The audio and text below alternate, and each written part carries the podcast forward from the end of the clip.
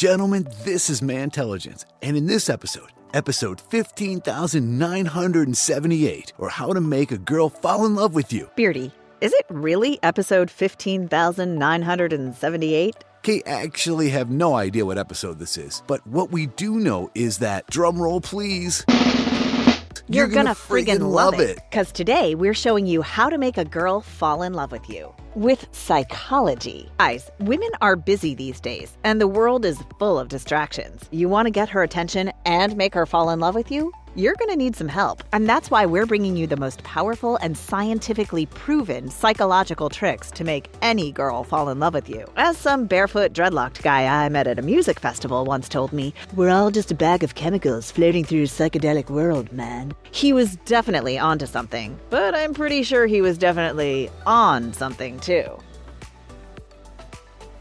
Number six, take a hike. Get some dopamine. Guys, if you want to know how to get a girl to fall in love with you, I figure it's crucial to have some level of understanding about how women's big, beautiful brains operate. And for some scientific insight into a woman's brain, we're here today with Professor Beardsley.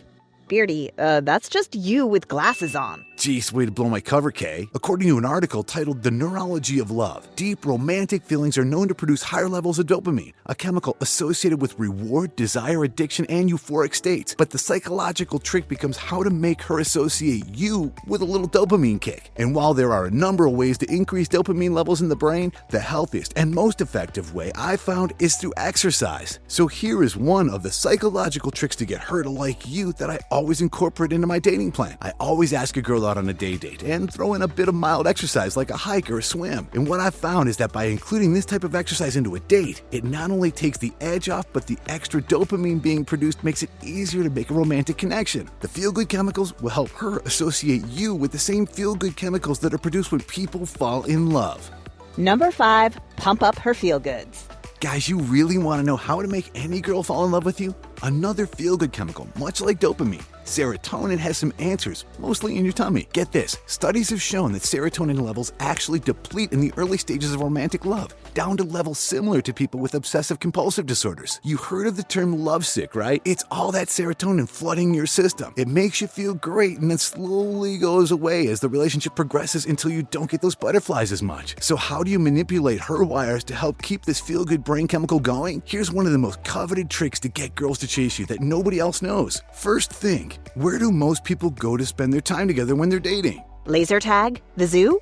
Who have you been dating, Kay? No, most couples go out to dinner. Research suggests that eating animal products like meat, fish, eggs can help boost serotonin levels. In the early stages of love, there's a high potential for burnout when the magic wears off. The trick is to keep the magic alive by keeping the brain chemistry in line when you're together. And the way to do that is to nourish your body along with your brain. They say the way to a man's heart is through his stomach, but a girl I once dated never stopped raving about the first steak I grilled for her. Number four, master the name game. Starting at a very young age, our brains are trained to create an automatic, involuntary response whenever we hear our name. So, knowing this, how do you make this a trick to work for you? Simple. Call a girl by her name almost every chance you get. That way, you trigger this automatic response more often and somehow train her brain to notice you and eventually like you. Hey, Kay, you look nice today, Kay. Uh, Beardy, I know what you're trying to do here. But seriously, guys, whenever someone mentions our names, it makes us feel special because we know that they're specifically talking to us and not to anyone else. For example, when I receive a text from a guy that says, Goodnight, Kay, I assume that he's thinking about me while sending that text. And more importantly, it shows that the message is exclusively for me and not a text that he sent to me, plus a few others on his contact list. Number three, be the man she's looking for. Remember the one that got away? We all have at least one. For me, it was a beautiful girl that I met a few summers ago. We hit it off, we fell in love. It was the best summer ever. And then as winter came and the holidays were approaching, she started to drift away. Next thing I knew, it was over. I got really depressed for a few months, and then I pulled my head out of my butt, stopped feeling sorry for myself, and decided to win her back. Oh, I can't wait to hear this one, Beardy. How do you win her back? Guys, you want to know how to make a girl fall in love with you again? Here it is. Research on love and attraction also tells us that people form an idea of their ideal partner prior to choosing one. And that idea comes from upbringing, community, culture, and the media. All I had to do was find out what kind of guy she was looking for and then show her that I was, in fact, that guy.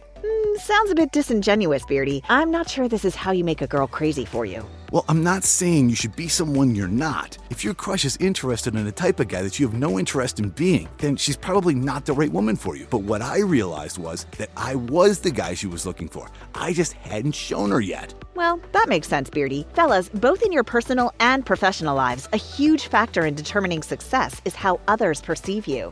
Yep, and all I had to do to win back my boo was to change the way she saw me. She thought I was unfocused and immature, probably because of my super cool beard. And oh, hey, look at that. I was super busy having fun with her in the summer. I never thought to slow down and talk about my goals and plans for the future. Once I started sharing with her, she started to see that I wasn't aimlessly meandering through life. I was able to show her that I actually had a good direction. Want to know more of how to make any girl fall in love with you fast? Check out this other video that we have that focuses on just that.